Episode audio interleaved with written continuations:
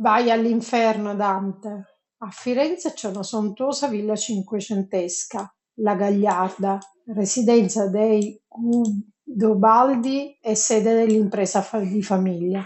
È lì che vive Vasco, 14 anni, un bullo imper- impenitente, abituato a maltrattare professori, compagni e familiari. A scuola Vasco fa pena, in compenso imbattibile a Fortnite, progetta di diventare un gamer professionista e già migliaia di follower.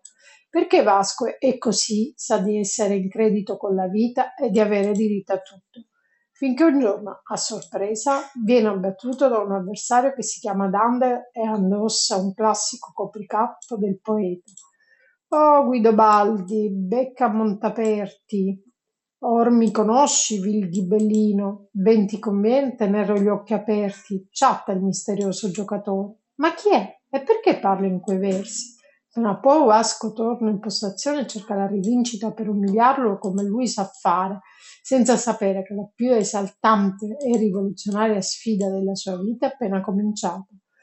Luigi Garlando dà vita un romanzo pirotecnico dove, a colpi di indecasillabi e battaglie reali, un adolescente di oggi dovrà vedersi con il più illustre scatenato dei maestri, Dante Alighieri.